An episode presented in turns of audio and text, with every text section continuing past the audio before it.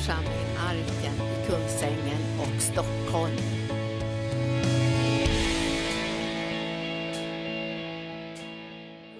Ja, då välkomnar vi dig helige Ande. Vi ber att du ska göra orden levande för oss, att du ska väcka tro i våra hjärtan, att vi blir frimodiga och eh, oförfärade i det liv som vi ska leva tillsammans med dig i den här världen och tjäna dig och göra din vilja. Vi tackar dig för att du har omsorg om oss, vi tackar dig för att vi får stå till ditt förfogande och vi vill höra från himlen. Vi vill höra sanningen som gör oss fria, som förvandlar alltihopa, hela situationen. Det kommer ett helt nytt ljus när du är närvarande med ditt, ditt väsen och din vilja. Vi överlåter oss Herre till dig och vi tar emot det som du ger oss i Jesu namn. Amen. Ja, eh, eh det, det var en intensiv intensiv eh, kollekttal här. Liksom. Så, bara- så eh, det, det, jag hoppas att det gav en riklig skörd.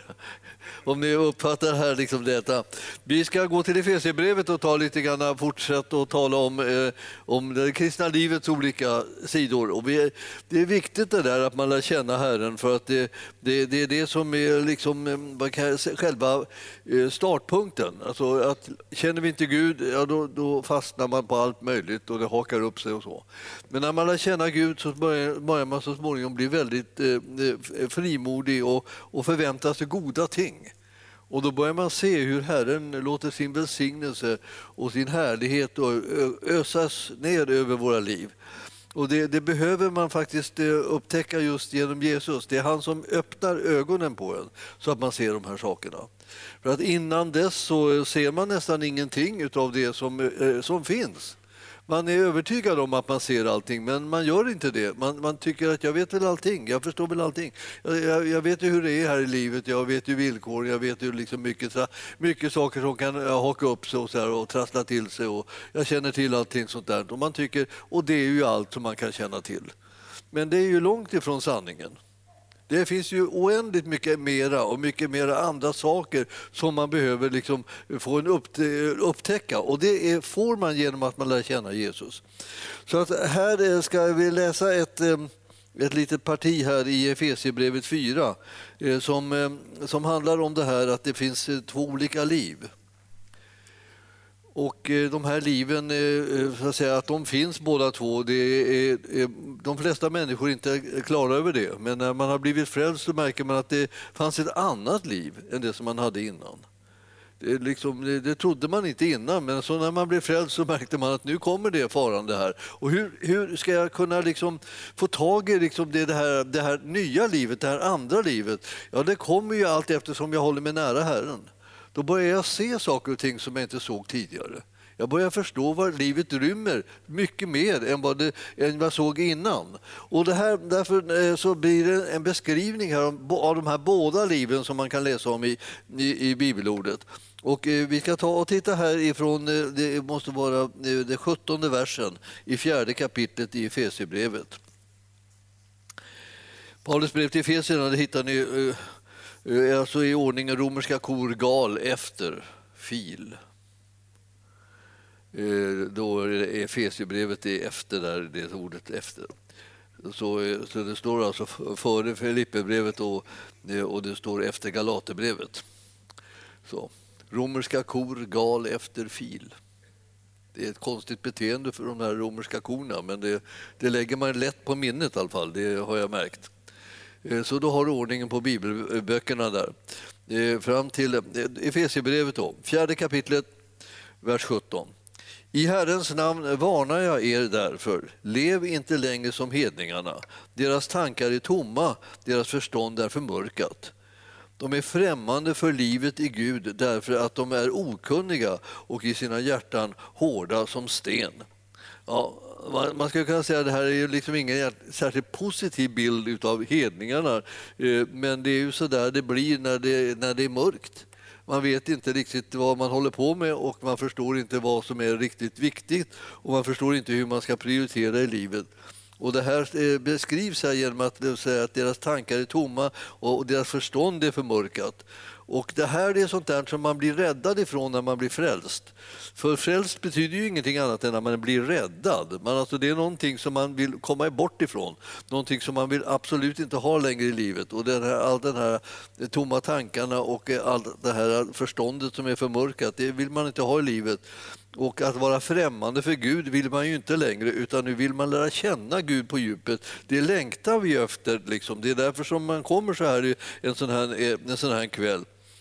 Och eh, eh så står det att eh, de, de som lever i, i det här mörkret de är också okunniga och i sina hjärtan har, de fått, har blivit hårda som sten. Och, och, sen får vi läsa, när vi läser i skriften så verkar vad ska man göra åt det? Jo, man ska byta ut hjärtat, stenhjärtat mot ett levande hjärta. Och det sker genom frälsningen. Den som tar emot Jesus Kristus byter ut sitt hjärta. Alltså man blir en ny skapelse eller man blir född på nytt. Och det här är, då får man ett nytt hjärta, det vill säga detta levande hjärta är ett hjärta som kan känna Gud. Och det är skillnad mot det som är där, där man lever med ett stenhjärta och inte känner Gud. Man kan inte förstå sig på honom. Man tror inte att han, att han, att han finns. Man tror inte att det är verkligt. Här. Man tror att alltihopa är påhitt eller liksom något slags eh, sätt att försöka få eh, snärja människor och sådär. Men eh, det är därför att man lever fortfarande i mörkret och Herren vill att man ska bli frälst och det ljuset som kommer från honom ska tränga in i, i människors liv. Och då kommer de få se ett annat liv som, är, som de inte har sett förut. Och det här andra livet, det är det som du och jag håller på nu. Vi som har blivit frälsta, det håller vi på att försöka upptäcka det här nya livet. Och det gör man när man läser skriften, det gör man när man umgås med den heliga Ande och när man lär känna Jesus mera. Och då står det så här, alltså, eh, de här, eh, innan man kommer in i det kristna livet så står det i vers 19 då, då, då, då så gör man saker och ting utan att skämmas. Saker som man inte kan göra längre sen utan att skämmas. Alltså man börjar kunna skilja på det som är rätt och fel, det som är gott och ont. Alltså det som är synd och det som är rättfärdigt. Man börjar kunna skilja på det. Så att först gör man sånt som är fel utan att skämmas och sen kan man inte göra det som är fel utan att skämmas. Man, kommer att studsa liksom inför det. Man, man, man, vet precis att det här är nu inte rätt alltså, att göra längre och, och man skäms över att man har gjort det och man, och man vet att man kan bekänna synden och bli förlåten. Och hela det här liksom är det nya liksom, tecknet på den nya livsstilen. Du får ett fungerande samvete, ditt inre säger ifrån när du kommer in och, och när du syndar. Det, liksom, det säger stopp i dig och, det, det kan, och, och, du kan väl tänka, ja det var ju hemskt att jag syndade, ja men det var ju härligt att jag upptäckte det också. För att jag menar det som är, eh, kännetecknar världen och så länge man lever i världen så att säga, utan att känna Gud, det är ju det att man upptäcker inte när man syndar. Man, man har liksom kört över sitt samvete så många gånger så att man liksom märker inte av det längre. Man tycker bara det är väl självklart, här lever väl alla människor, det är väl inte något konstigt med det. Och, och eh, man förstår inte att det är någonting som inte ska vara. Men när man har lärt känna Herren och tagit emot honom i sitt hjärta, då börjar man reagera på det som är synd och mörker och tänker det där vill inte jag. Så om jag gör det, då bekänner jag synden så blir jag förlåten. Och därför så är vi liksom det som förenar oss allra mest. Vi är så olika på många sätt och det är underbart att vi är det. Men det som förenar oss och vi är lika på det är det att vi, vi är de som är förlåtna. Vi är de som har bekänt synd och tagit emot förlåtelse. Vi är, vi är ett folk som är förlåtet. Så vi sitter här liksom inte, har ingen annan merit än att vi egentligen är förlåtna. Det är liksom vår enda merit. Det är, det är det som är det viktigaste med oss, att vara förlåten. Och Herren har haft som mål att han ska förlåta oss och ge oss ett nytt liv. Och då får vi också ett levande hjärta istället för ett stenhjärta. Då får vi plötsligt, eh, istället för att gå omkring i mörkret, så får vi gå omkring i ljuset. Och så ser vi det som egentligen är verkligheten i det andliga livet också. Vi förstår att plötsligt det finns ett annat rike här än det som jag förut levde i. Och det är Guds rike. Och det finns ju överallt där jag går fram och det påverkar och, och liksom människors liv och förvandlar dem och det ger dem hopp och tro och glädje i hjärtat. Så ni ser här att i 19 versen står att utan att skämmas alltså, så kastar de sig ut i utsvävningar. De märker inte liksom att det är någonting att skämmas över. Och de bedriver all slags orenhet och eh, får aldrig nog. Det verkar som outsläckligt. Liksom, eh, orenheten i världen, liksom, man får aldrig nog av den. Det är liksom ett frosseri i, i det här. Och, eh, och man märker inte att man håller på med det man tycker liksom att det är så här är det för alla. Nej, så det, det är ju det som är det fina, att det är ju inte det för alla. Men, och det behöver inte vara det för någon. Om man bara får tillfälle att säga att det är Jesus som frälser, det är han som räddar människor, det är han som förvandlar deras liv. Så att det här med att komma ut ur mörkret och in i ljuset, det är liksom en verklig överraskning att det har blivit så annorlunda. Att det finns ett sånt annorlunda liv än det man levde tidigare. Man var övertygad om att det liksom tidigare att man levde ett liv som, som egentligen var det enda livet som var. Allting annat var bara påhitt. Man själv var liksom klarsynt och insiktsfull och man visste precis vad livet innehöll och vad, hur, hur villkoren var. Och det, det är ingen som ska lära mig någonting om det, eh, tycker man. Och man stöter på den där typen av högmod. Och så plötsligt så börjar Jesus röra vid människors hjärtan. Så tar de emot honom så, så ser de att ett helt annat rike finns och har funnits där bredvid dem hela tiden fast de inte har märkt det. Och du vet att det här är ju inte liksom bara att man märker och sen är det färdigt utan man håller på och märker det hela tiden. Det vill säga mer och mer och mer och mer så ser man att det här gudsriket är närvarande.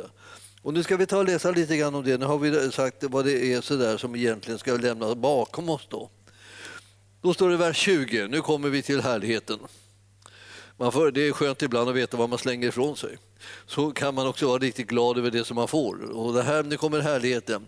Där står det så här, ni däremot är, eh, har verkligen lärt känna Kristus sådan han är. Alltså det, det, det finns ju folk som eh, tror att de vet någonting om Kristus men de vet inte hurdan han är. Därför att de har inte tagit emot honom. Det enda sättet att lära känna honom det är att välja honom som sin Herre och Frälsare. Eh, så att han får komma in i ens hjärta. Det är därifrån som man lär känna honom. Sådan han är alltså. Man kan ha liksom eh, annars, annars massa eh, falska ord om honom, massa falska tankar, världens förakt över liksom honom så här. Man förlöjligar honom på olika ställen så här. Eh, Eh, det är, det är som en... en eh, säga, man, man tror att det liksom är så man ska förhålla sig till det ända till man möter honom. Och, eh, och, och, det här är ju det som jag tycker är så underbart, alltså när människor får möta honom. Alla knän ska böjas. Alltså. Så när de stöter ihop med honom då, då böjer sig knäna. Och, och, eh, och han jag hade ingen aning om att det var så här. Alltså, det, du, du, är ju, du är min Herre, du är min Gud. Alltså. Och Det är det som man vill säga till honom liksom, när man får de här mötena. Och alla vi som har mött honom på olika sätt så här har fått samma känsla av att det här varit ju någonting helt annat än det som var kanske det vanryktet eller smutskastningen utav, av, av eh, kristendom eller kristen tro eller sådär. Och så möter man eh, frälsaren och eh, ingenting längre blir detsamma. Eh, här står det i 21 år då, att eh, ni har fått höra honom förkunnas och blivit undervisade i honom eh, enligt den sanning som finns hos Jesus. Det vill säga, eh, hela världen är full av liksom olika typer av sanningar. Människor som gör anspråk på att de har sanningen. De säger så här är det, det är vi som har rätt, vi vet hur det är. Men det finns en sanning som är i Jesus. Och den är inte liksom, eh, liksom en utan i många sanningar, och så, utan det är den enda sanningen.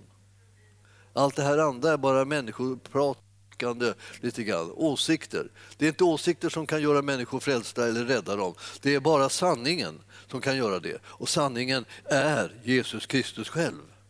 Så när man har mött honom, det är då som det, det är liksom man har mött det som bryter igenom och förändrar hela livet. Både hur man ser på det, hur man förstår sig själv och hur man förstår andra människor och hur man förstår själva uppdraget också här i livet. Och det är när vi möter den sanningen som är, liksom gör anspråk på att det är jag som är, säger han, det är jag som är sanningen.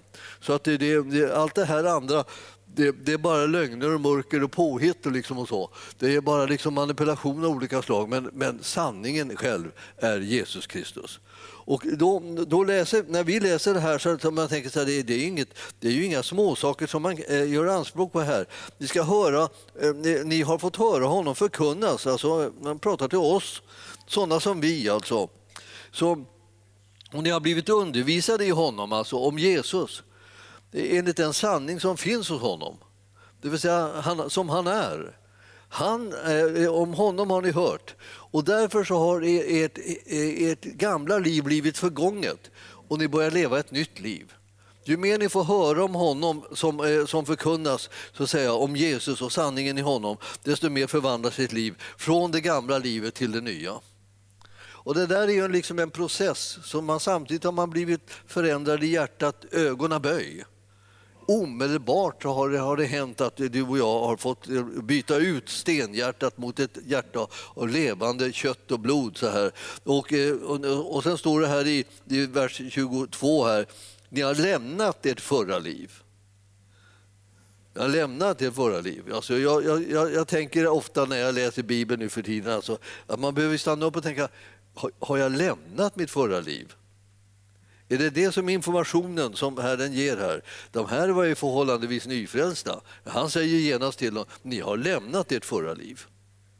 Och då skulle de kunna säga, har vi?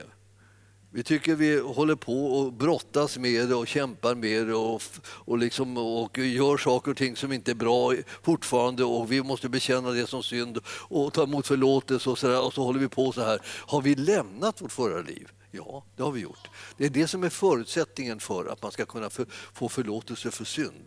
Att man har lämnat sitt förra liv. Inte så att man inte, har, att man inte ibland syndar, för det lär man sig successivt att liksom lägga undan på det ena området efter det andra. Men man måste i grund och botten ha lämnat sitt förra liv. Det vill säga, nu har du inte det livet längre, nu har du det livet som är tillsammans med Herren. Det är det som räknas. Både nu i tiden och i evigheten så är det så att du har ett nytt liv. Det är inte så att du håller på liksom att skaffa ett nytt liv, utan du har ett nytt liv. Och nu ska du ge, låta det livet så att säga, som du har bli synligt i, i, i, genom ditt levande. När du lever liksom, så ska det synas att du har fått det här nya livet. Och det är processen, att visa att det har blivit ett nytt liv. Alltså att lämna liksom gamla livsstilen åt sidan och leva det nya livet. Det, eftersom du har fått det. Du har redan ett nytt liv. Du har lämnat det gamla och har ett nytt. Så det är, liksom redan, det är redan färdigt. Alltså det, det, är det som är så, ibland så förvirrande, liksom att man tycker att man har en utmaning att lära sig att leva ett nytt liv och följa Jesus och göra rätt saker och så. Ja, det är sant. Men det gör man därför att man redan har ett nytt liv. Och så. Annars vore det fullkomligt omöjligt att leva ett nytt liv om man inte har det. Man måste ju ha det först. Om du har det så, har det så, kan du vara trygg. Även om du skulle misslyckas i några punkter så kan du ändå använda dig av den förlåtelse som Herren har sagt. Bekänn synd så blir du förlåten. Det är, inte, det är inte svårare än så. Det är så man lär sig leva det rätt, på rätt sätt. Det är som, eh, det är som eh, med barn, om vi säger att när man fostrar dem så, så är det ju inte från början så lyckat. De lyckas ju inte med alla grejer. Man kan säga att de lyckas inte med några grejer från början utan de måste liksom öva på där och så misslyckas de och så får de göra om och så får de pröva igen. och så. Varför håller de på så här liksom, och, och, och, och, tränar och grejar och fram och tillbaka och, liksom, och, och, gör fel igen och gör rätt och gör fel och vartannat. Här. Varför håller de på så? Därför att de har en drivkraft invärtes. De vill bara. Och är det så att inte omgivningen förstår det så skriker de kan själv, säger de då och för att informera hela omgivningen om att jag har, det här ska jag göra själv, jag, jag kan.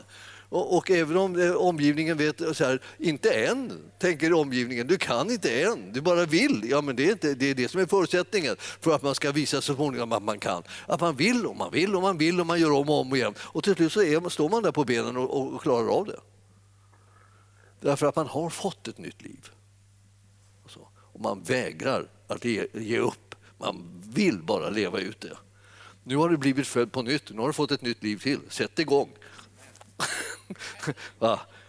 och eh, visa att du har fått det nya livet. Jag menar, du, du, du kan själv. Liksom. Och själv det, här, det livet som du har fått, har fått av Herren. Och han, han, han hjälper liksom lite på lite hemlig väg. Genom att han kommer in och tar sin boning i ditt inre. Liksom. Den heliga Ande kommer med sin uppenbarelse. Och han kommer med sin ande och smörjelse över dig så att du liksom får se och förstå hur du ska kunna tjäna Herren. Du får kraft till att göra hans vilja. Du har, du har det i dig, som vi säger ibland. Du har det i dig. Det, det kommer att gå, du har det. Så säger de ibland, som man tänker att man ska eh, göra någon slags idrottsprestation någonstans, försöka hoppa över en pinne, ni vet, som de har som, det, det finns ju såna där man lägger upp en pinne på en liten höjd och så, så kan man hoppa över den. var nu, varför man gör det egentligen är lite obegripligt. För men, men i alla fall. Då, då, då, står de där och ska träna. Nu, nu säger de till mig, jag hoppar då. Och man springer och så man bara river ner den där pinnen hela tiden. Och så då säger ja, men ge inte upp nu, du har det i dig, säger de. Har jag det i mig? Jag vet, och efter, efter ett tag så börjar jag tro på att jag har det i mig. Liksom, och då börjar jag liksom fundera, hur, hur, ska jag ta mig över den här? Och, och, så, och det dröjer inte länge förrän jag hoppar över den där pinnen. Det, det är ju inte, det är inte direkt några, några en stor seger, men det är en liten. Det är en liten seger, men de, de påstår att man har en förmåga i sig som man ska försöka få fram och använda så att man kan göra det som är själva utmaningen, klara av den. Och så är det också i det andliga livet egentligen. Just därför att du har det här i dig. Just därför att Herren bor i dig. För att han har smort dig. Du har liksom fått kraft till att göra saker. Så, så vill jag säga så här, du, du måste våga dig på det. Du måste ta trosteg in i det som du inte har erfarenhet av ännu att du har klarat. Men du har det i dig. Alltså. Och då tänker jag, ja, men det har jag aldrig sett. Ja, men det, har inte, det är inte det vi pratar om. Vi bara talar om för dig att du har det i dig. Därför att han har kommit till dig och han, han vill vara din kraft och din styrka och din hjälp. Så att när du då antar utmaningen som det andliga livet innebär ibland så kommer du att kunna klara av det här, sånt som du inte har klarat av tidigare. Det här ingår i din växt och din utveckling och i det andliga. Att du vågar tro på saker och ting, att du kan komma vidare. Du behöver inte bara upprepa sånt som du har gjort hela tiden i det förflutna, utan du kan inta nya områden. Alltså det här att inte ha nytt land, jag, menar, jag, jag, har, jag har aldrig gjort det förut, jag, jag, kan inte, jag har aldrig prövat det, jag har aldrig klarat det. Där. Ja, men det är inte det du ska hålla på och fixera dig vid. Du ska fixera dig vid vad du har i dig. Du har det nya livet och det nya livets möjligheter i dig, så inta landet. Använd gåvan som du har fått av Herren. Liksom, utveckla den vidare, så att säga. Och det, och det, och det har du alltså i dig. Så att jag, jag känner ibland så här att vi, vi, vi argumenterar mot Gud eh, eh, och protesterar mot att använda de gåvor och den utrustning som han har gett oss. Istället för att säga ja. Jag, jag, jag, jag springer, jag hoppar, jag eh, dyker, jag kastar mig hur som helst. Jag ska, jag ska klara av det för, att jag, för jag har det ju i mig. Det är vad jag tror. Då. Och det är det, det, är det jag tror också om det andra livet. Jag har det, jag har det i mig. Jag menar, eh, man, man, blir förvånad ibland när Gud gjorde sådana där saker som när vi alldeles precis hade kommit in i den karismatiska väckelsen här. Eh, och, och, det var på, det var på eh, mitten av 80-talet så var vi här i Kungsängen då, liksom i, i Lutherska kyrkan. Då. Och då, då, då började liksom en del ungdomar så att säga, i ungdomsgruppen där liksom börja bli andedöpta. Då. Och jag själv också åkte med i den här vevan och blev andedöpt. Jag kommer ihåg hur, hur otroligt eh, jobbigt det var att göra någonting som man inte förstod sig på och inte kunde. Som att tala i tungor. Alltså. Alltså för mig var det, det jag, jag, det, det, tog stopp i skallen på mig. Liksom, att jag tänkte det, det går inte, jag kan inte. Det, alltså, och, jag, och, jag, försökte och jag försökte och jag, jag, försökte ställa mig till förfogande. Så här, för att Gud skulle kunna använda mig och tala, tala tungor. Så här. Jag trodde att liksom, det var han som skulle tala tungor. Det, var lång tid, det tog så oändligt lång tid för mig innan jag kunde läsa till att det var jag som skulle tala tungor. Jag trodde det var han. Alltså. Och eftersom jag var bestämd för att jag vet att det är han så ska han tala. Jag, jag, du får tala liksom så här. Ja, det är jag. höll upp min mun. Jag gick och höll på i timmar där, höll upp munnen och sa liksom. Och så, ja, tala Herre. Inte, inte ett ljud. Och, och, och varför vad var har jag fått det ifrån att, att, det var han som skulle tala tunga? Ja, det vet jag inte. Var. Det var bara så man liksom sa liksom, innan man visste något. Det finns ju långa tider i livet då man säger saker innan man vet något. Ni känner till det? Det är, liksom, det, är det pinsamma med att, alltså, att man har så många starka åsikter om saker som man inte vet något om. Och jag var övertygad om liksom, att det var Gud som skulle tala i tungor. Och inte jag. Jag tror också jag läste det i någon, liksom någon bok, det var någon sån här, eh, jag vet inte om ni minns den boken eh, eh, klockan nio på morgonen eller? Det var den här Bennet som hade skrivit det, det var en anglikansk präst som blev andedöpt och så. Och, och han, han hade ju liksom det enkelt då, då därför att Han bara satt där liksom och, och hade en liten stilla stund då. Sådär, och bad till Gud och sen satt han där. Och så, och så plötsligt bara, så bara strömmar det ut ett annat språk i munnen. Bara. Jag tänkte det var en bra modell, det tänkte jag, den, den, den tar jag gärna. Jag sätter mig där och väntar och så, så, så, bara, så talar han i tungor. Liksom så. Han, han, han, jag vet inte varför han gjorde det så, men han skrev en stor bok och den blev mycket berömd och alla läste den där boken eh, då i den karismatiska väckelsen och, eh, och det blev liksom mönsterbildande. Men det var inte riktigt rätt om vi säger det var inte så som det stod i skriften. Nu var han barmhärtig antagligen och satte fart på den här anglikanska prästen. Och, och då tyckte jag han kunde vara barmhärtig och sätta igång med den här lutherska prästen också. Då, då. Men han ville inte det, utan han, han ville liksom att jag skulle se att de började att tala i tungor, står det liksom i det. Det var det var. Jag, jag, kunde, alltså jag kunde inte se vad jag läste. Därför att jag hade en bestämd åsikt om vad, vad som står där. Det händer mig igen. Att jag plötsligt ser någonting som jag hela tiden har tyckt att det har stått något annat. Men det står inte det. Utan det, jag ser det nu. Nu ser jag det. Ah. Jag ser saker så här efter 70-årsåldern liksom, som, jag, som, jag inte, som jag har trott att jag har sett förut i hela, hela livet liksom, som, som kristen. Nej, jag har inte sett det. Plupp, så plötsligt så ser jag det. Vad det står där. Milde tid. Alltså. Vad spännande och kul. Vad härligt! Jag, jag kan naturligtvis också fixera vilken idiot jag varit som inte kunnat se någonting förut. Igen. Men det, det, jag bryr mig inte om det. Att jag, det jag, jag, förstår att jag är sån också. Så att jag inte ser saker och ting. Men, men just det här, när jag får se det så är jag glad över det. Alltså jag, jag tänker halleluja. Och när jag såg att det var, då, att, man, att det var de som började tala tungor, då blev det liksom på något sätt något annat och släppte den där liksom kampen där. Och så tänkte jag, jag tror bara att jag, jag sjunger en liten sång till Herren, jag hittar på en liten sång då. Så, så jag låg där på sängen så här efter jag hållit på en hel vecka liksom, gått och hållit upp munnen och väntade på att han skulle tala i tungor. Så, så, så la jag mig där på sängen och tänkte jag, jag, jag prisar Herren med en liten sång. Då. Så jag sjöng en liten sång liksom, av kärlek till Gud. Så, där så medan jag höll på och sjöng den där sången då, då plötsligt tyckte jag, känner jag inte igen orden.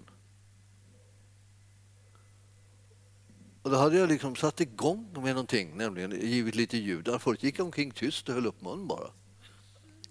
Men när jag satt igång med någonting och så hade Gud bara låtit liksom tungotalet komma istället. Så plötsligt så sjöng, då sjöng jag i anden där. Jag tänkte jag vågar inte sluta, tänkte jag. det kanske kommer bort då, det kommer aldrig igen. Så, så jag, jag höll på jättelänge där jag sjöng i anden. Så mitt tungotal så att säga, var, startade med att jag, att jag sjöng i anden.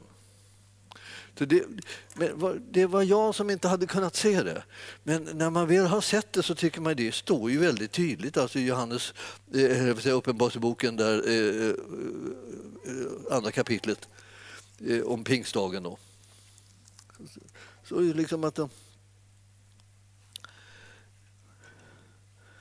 det, så, det, liksom då, på pingstdagen det kom ett dån och, fyllde, och tungor av eld visade sig på dem och, så, och satte sig på dem. De uppfylldes av den heliga Ande och, i fjärde versen, började tala främmande språk allt eftersom Anden ingav dem att tala. De började. Ja, kära någon. Jag har läst det där jättemånga gånger. Jag kunde inte se ordet börja, att det var de som började. Men då, då, kan, man, då kan man säga det. Då, jag, jag, var inte ensam om det, det tröstade mig lite grann. Jag, jag tröstade mig särskilt då när jag... Jag hade inte så jättemycket kontakt med pingstvänner, va? Eh, utan jag var ju luthersk präst och är man luthersk präst så är man bara luthersk präst. I alla fall var man det på den tiden. Man gick ingenstans, man var ingen annanstans, man var bara i sin egen kyrka och man träffade inga andra från några andra sammanhang. Så man var bara Luthers präst hela tiden. Så där var jag Luthers präst, Luthers präst och ehm, så, så, ehm, eh, så det här med att, eh, att eh, det fanns andra, jag visste att de fanns men, men jag menar, jag hade ingen kontakt med dem. Så, så Eh, började få lite kallelse, jag skulle åka ut då, liksom och berätta lite grann om det här med med and, det andliga livet och andens dop och lite sådär. Så kom jag ut där och, och sen så frågade jag efter det att jag hade predikat, alltså, kom ni, ni som inte talar tungor och inte är andedöpta, kan- kom fram så ska jag be för er så ska ni bli andedöpta och kunna tala tungor. Ja, då kom det fram då liksom. Och så ja, jag frågade vilka de var, hur länge hade de liksom sökt det här? Ja, de började tala om så här, ja, jag, jag har ju sökt det här i, i, vad säger, i 30 år och sådana där saker, Så. Vad, vad, vad, vad, vad, vad tillhör du för kyrka då, sa jag. Ja, jag är, jag är pingstvän.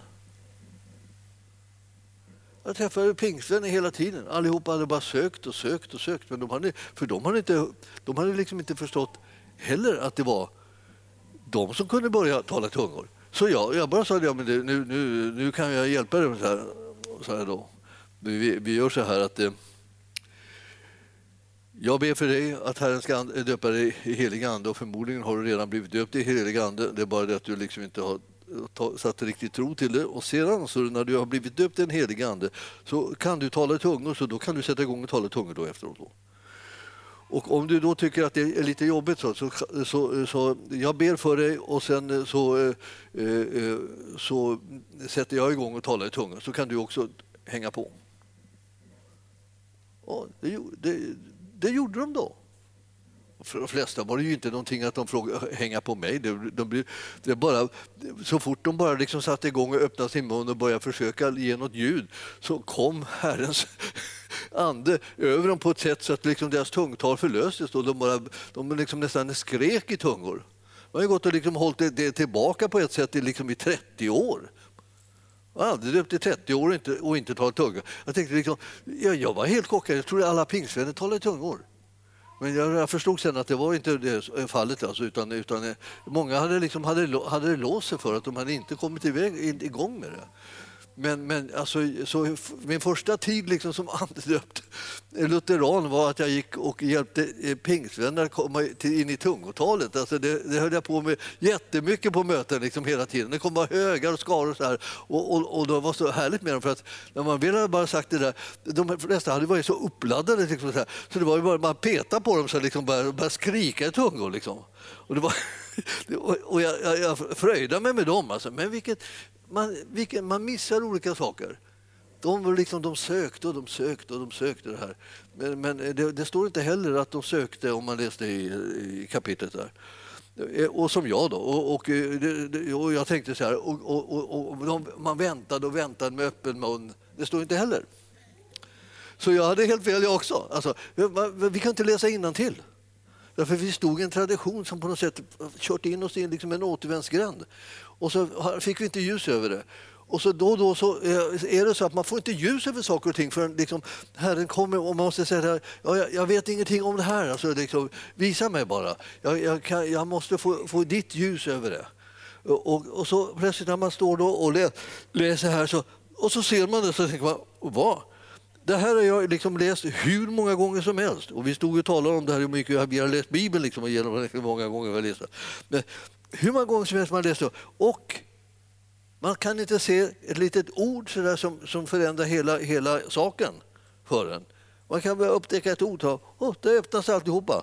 Så uppenbarelse är ju liksom något fenomenalt när Gud kommer in och visar saker för en, hur det egentligen förhåller sig, hur sanningen är. Och det här är, alla behöver den här delen. Alltså, Herrens ande är så, han är så god, han är så ivrig att, att visa oss de här tingen.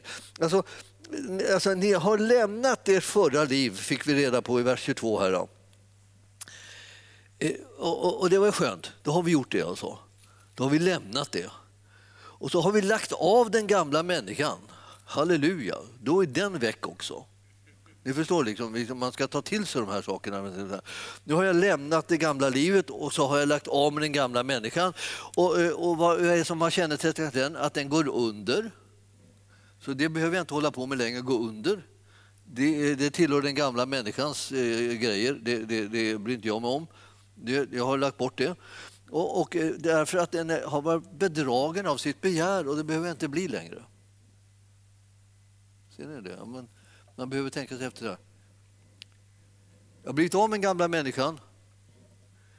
Och jag, jag, jag behöver inte längre liksom vara, vara en, en person som är, blir bedragen av mitt, eh, eh mitt begär eller mina begär och inom olika områden. Jag behöver inte bli bedragen av dem. Så att jag liksom bara råkar, råkar, råkar in i dem plötsligt, bara halkar in så här utan att jag har tänkt ut det. Utan nu ser jag vad det är och jag ser det i tid och jag, jag, jag låter mig inte bedras. Det, är det, det där är det som är ditt och mitt, min liksom fördel, att vi ser de här sakerna, att det här har skett. Alltså, vi behöver inte gå och tänka så här, åh, måtte jag inte liksom åka, åka in i det här igen, måtte jag inte liksom falla in i det, och måtte jag bara inte liksom bli liksom lurad eller halkar in i det, liksom, att jag inte riktigt tänker mig för att jag inte märker att jag inte gör så här. Nej, men så står det ju inte alls att det är. Det står ju att det här, är, det här är passé. Det står ju att det här är besegrat, det här är genomskådat. Du är en person som kan genomskåda så att du inte blir bedragen. Använd den gåvan att genomskåda fienden så att du inte blir bedragen. Du är en sån. Du emellertid, det står ju där. Kan, alltså, när jag, när jag, när jag blir, det här är sånt här som, som man kan tänka, vad, vad, vad oerhört mycket gladare och mer eh, lättare vi skulle bli i livet om vi bara läste innantill och kunde se vad som stod där. Nu har inte jag varit någon mästare på att läsa innantill, det har jag berättat för er genom, genom åtskilliga tillfällen. Men nu vet ni, nu har det ändrat sig. För nu, tänker, slä, tänker jag släppa verser förrän jag har sett vad som står där. Och jag, vet, jag ber Herren att hjälpa mig. Så, men du sa att då har jag delat upp det här um, på det här viset att eh, vers 22 står det Ni har lämnat er förra liv, tvärstreck. Det var första informationen. Jag har lämnat mitt förra liv. Det betyder det, det förflutna livet har jag inte längre kvar. Den första informationen. Och sen står det, jag har lagt av den gamla människan, det vill säga syndakroppen, det vill säga den syndanaturen. Det har jag lagt av mig. Så jag har inte längre den. Det är tvärstreck där. Liksom. Den, den, det där har jag inte längre. Eh, det, det, det, dominerar inte mig, det sätter inte sin prägel på mig för jag har blivit av med det gamla livet. Den gamla människan är utkickad om vi säger så. Och så. Och vad är det som kännetecknar den? Ja, den människan den, den går under. Jag går inte under, jag har evigt liv. Jag, kommer, jag är frälst och jag är räddad. Jag, jag, har, jag, har, jag har en framtid och ett hopp. Och sen står det, vad är det mer som kännetecknar den där gamla människan? Ja, den blir bedragen av sina begär. Men det blir inte jag längre, för jag är inte eh, i den, eh, den situationen att jag lever den gamla människans, efter den gamla människans eh, drivkraft eller önskningar. Utan, står det, vad är det som har hänt istället då? Jo, och så har ni då, ni förnyas nu, står det. Och, och det är det som händer mig. För nu pratar han till, inte till de där gamla människan, utan han pratar till oss. Vad är det som säger till oss? Ja, vi förnyas nu. Och det sker både till ande och sinne. Det bejakar jag. Det är det som pågår nu i ditt och mitt liv. Att vi är inne i en förnyelseprocess. Då vi kommer så att säga in i det. Dels gör vi den upptäckten vilka vi har, vad vi har för identitet som nya skapelser och nya människor. Och sedan så ser vi att vår, vår själsliv håller på att förnyas och förändras så att vi kan le, leva i linje med det som vi är innerst inne. Du är en ny skapelse i Kristus Jesus. Ditt sinne ska förnyas så att du syns att du har blivit det. Både hur du tänker dina tankar, hur du talar dina ord och hur du gör dina gärningar. Det, alltihopa det här ska spegla vem du är innerst inne. Och du är en ny skapelse och den gamla människan är, är förbi. Så det, det här är anledningen till att du kan förvänta dig att det ska komma någonting nytt. Att du ska kunna tänka några nya tankar, att du ska kunna tänka några rena tankar, att du ska kunna tänka liksom positivt och konstruktivt. Du ska kunna tänka sådana tankar som tron liksom ger dig, eh, liksom som en näring. Alltså du bör kunna tänka alltså, så ofattbara, stora tankar som Gud liksom inspirerar dig att tänka för att du ska sätta dig i rörelse mot det som är hans mål och mening med ditt liv. Du ska inte längre tänka de där tankarna, det kommer att gå åt skogen och det kommer aldrig lyckas, det kommer inte gå, det kommer, allting kommer att haka upp sig, allting kommer att bli förstört. Jag, jag förstör ju allting, jag är en sån här människa som förstör allting, jag, jag bara förstör och förstör. Och så håller man på att tänka så, vad är det för några tankar? De tillhör inte dig längre, det är din gamla människas tankar, de, de, de behöver inte du ägna dig åt. Du ska ägna dig åt Guds tankar om dig. Guds tankar om det är sådana där tankar som visar att det finns utvägar, det finns möjligheter, det finns lösningar, det finns kraft, det finns härlighet, det finns frimodigt liv. Liksom. Det, finns, det finns möjligheter att göra goda saker och, och, sätta spår i tillvaron och betyda någonting för andra människor. Det är vad som finns möjligheter till nu. Det gamla är förgånget och något nytt har kommit så är det ju det som vi känner till. Ja, det är ju det som är verkligheten. Nej, om vi inte börjar räkna med den verkligheten därför inte vi kan läsa till så måste vi läsa igen då, då för att se att ja, här står det ju faktiskt så att det gamla är förbi. Och det nya har kommit. Ja, ja då så. Då släpper vi det gamla med blicken och, och, och, eh, tänker inte på det utan, utan vi tänker på det som har kommit. Det som Herren vill att vi ska göra. Det, det liv som han har gett oss som vi kan leva ut. Det kan vi leva ut liksom från vår ande och i, genom vår, vår själ och, och göra det liksom genom våra gärningar kan vi förhärliga hans namn. Och då, när det här, nu, nu ska jag försöka komma till en slut, liksom, avslutning på det här. Nu då. Men det, det, det, här, det här är ett sånt grundläggande, liksom, avgörande kapitel. För att om du och jag inte tror på det som Gud har gjort utan bara tror på det som djävulen har gjort i våra liv, då blir det hela, hela tvärstopp i hela maskineriet. Alltså. Det kristna livet uteblir. Därför alltihopa handlar om att, liksom att du, du, du, du, är övertygad om att det som djävulen har gjort, det kommer han att få fortsätta att göra och du kommer aldrig ut ur det här och du kommer aldrig bli fri och du kommer aldrig bli hjälpt. Du, du kommer aldrig kunna tänka några rätta tankar. Du, tänk goda tankar. Liksom. Ja, men jag kan väl inte hjälpa vad jag tänker, säger människor i stup i ett. Och saken är det, vem har sagt det? Eftersom Gud säger tänk så här och tänk så där, då måste det betyda att du kan välja att tänka så. Då.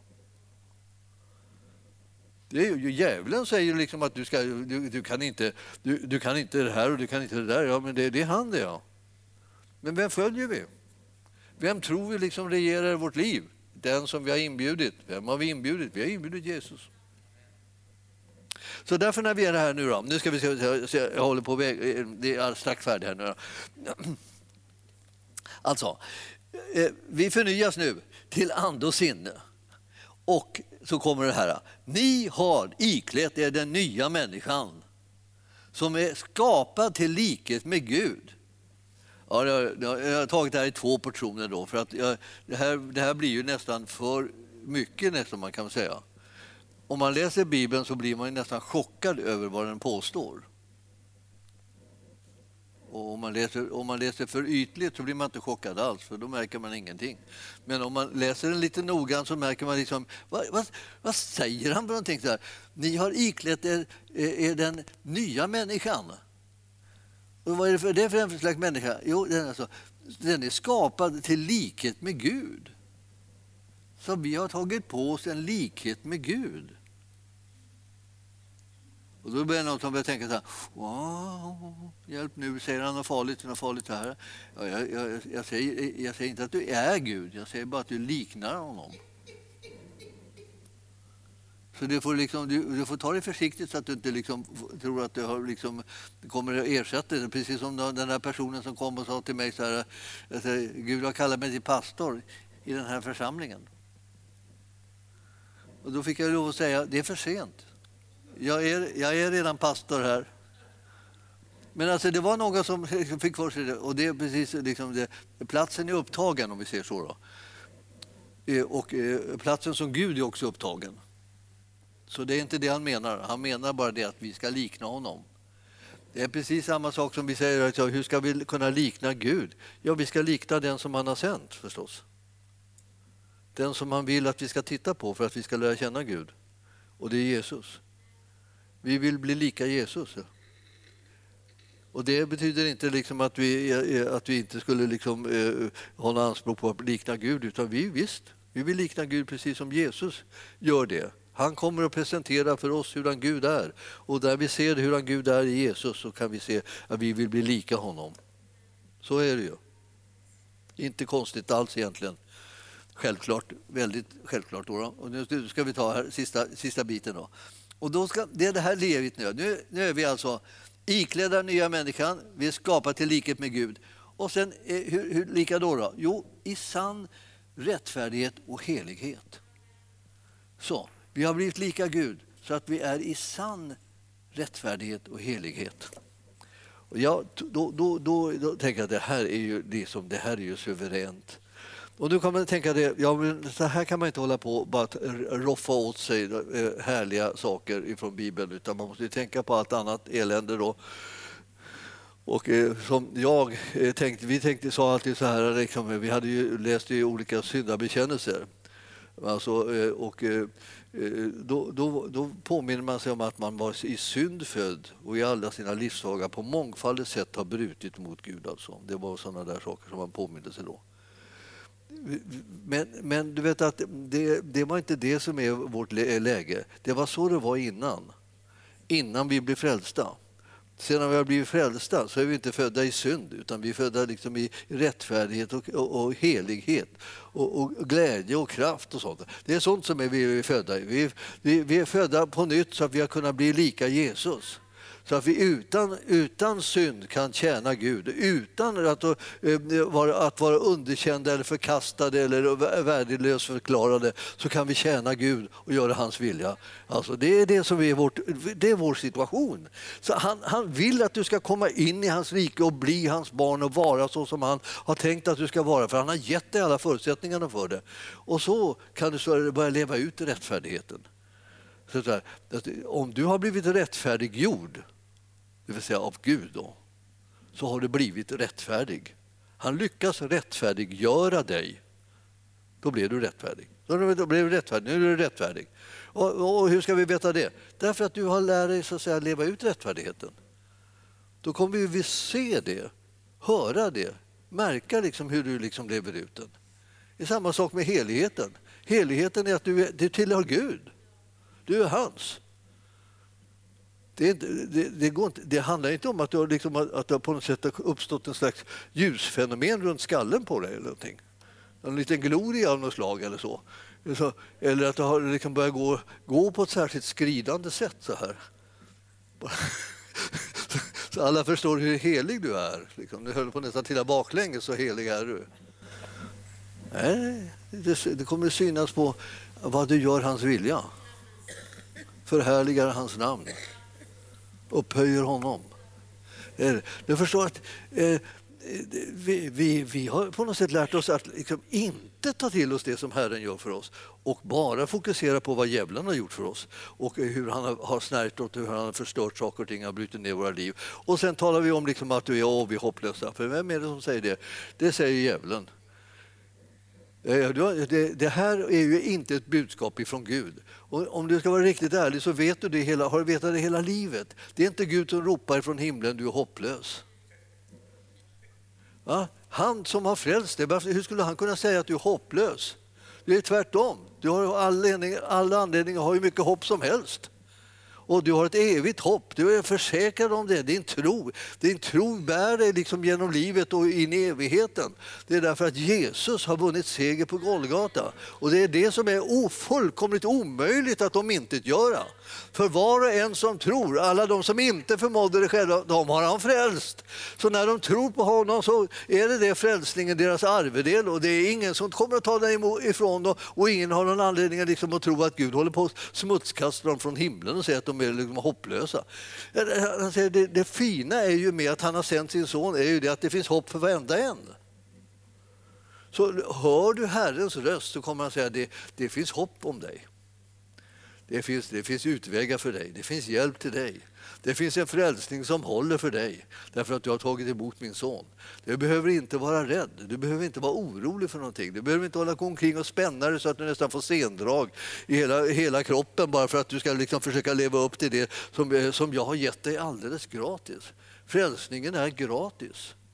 Det är ingenting som du och jag försöker åstadkomma eller leva upp till utan det är någonting som bara kommer som en gåva till oss och vi tar emot det i tro. Och det betyder det att vi litar på det och säger bara ja tack Herre, vi tar emot det. Det är självklart, vi kan inte leva en stund utan Jesus. Jesus är vår räddning och det är det som frälsningen betyder. Så därför vill jag säga till dig, det har hänt någonting på din insida som gör att ett helt nytt liv kan komma ut. Och det är bara så, du behöver få tro på det här nya som har hänt för att du ska kunna släppa ut det så att det blir synligt i det liv som du har. Det, de saker som du gör, de saker som du tänker och det som du säger. Så det är liksom där, det, det där vi får uttrycket av det här nya livet. Då säger man, det kan väl inte komma någonting bra i mig? Jo, det kan just det, är just det det kan. Det är bara det att det, det krävs en liten sak. Tro krävs det.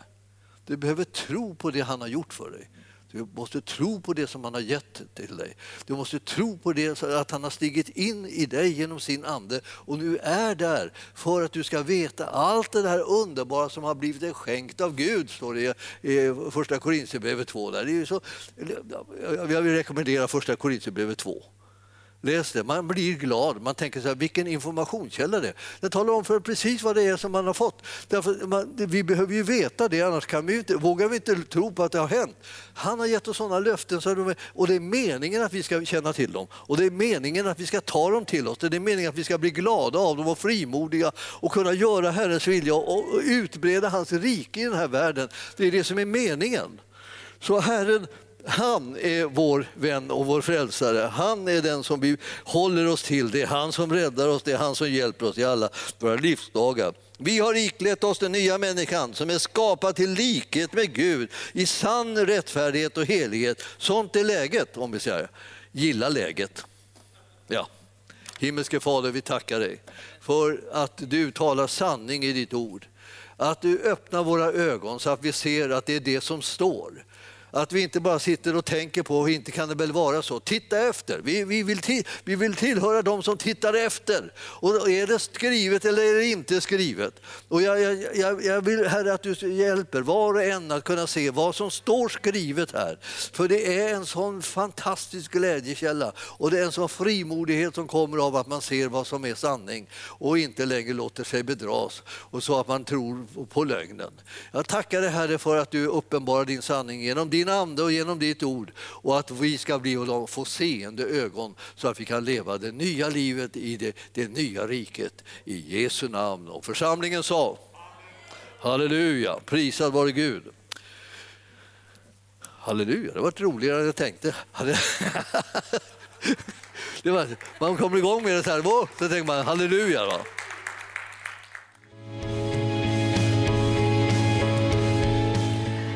För att du har lyssnat.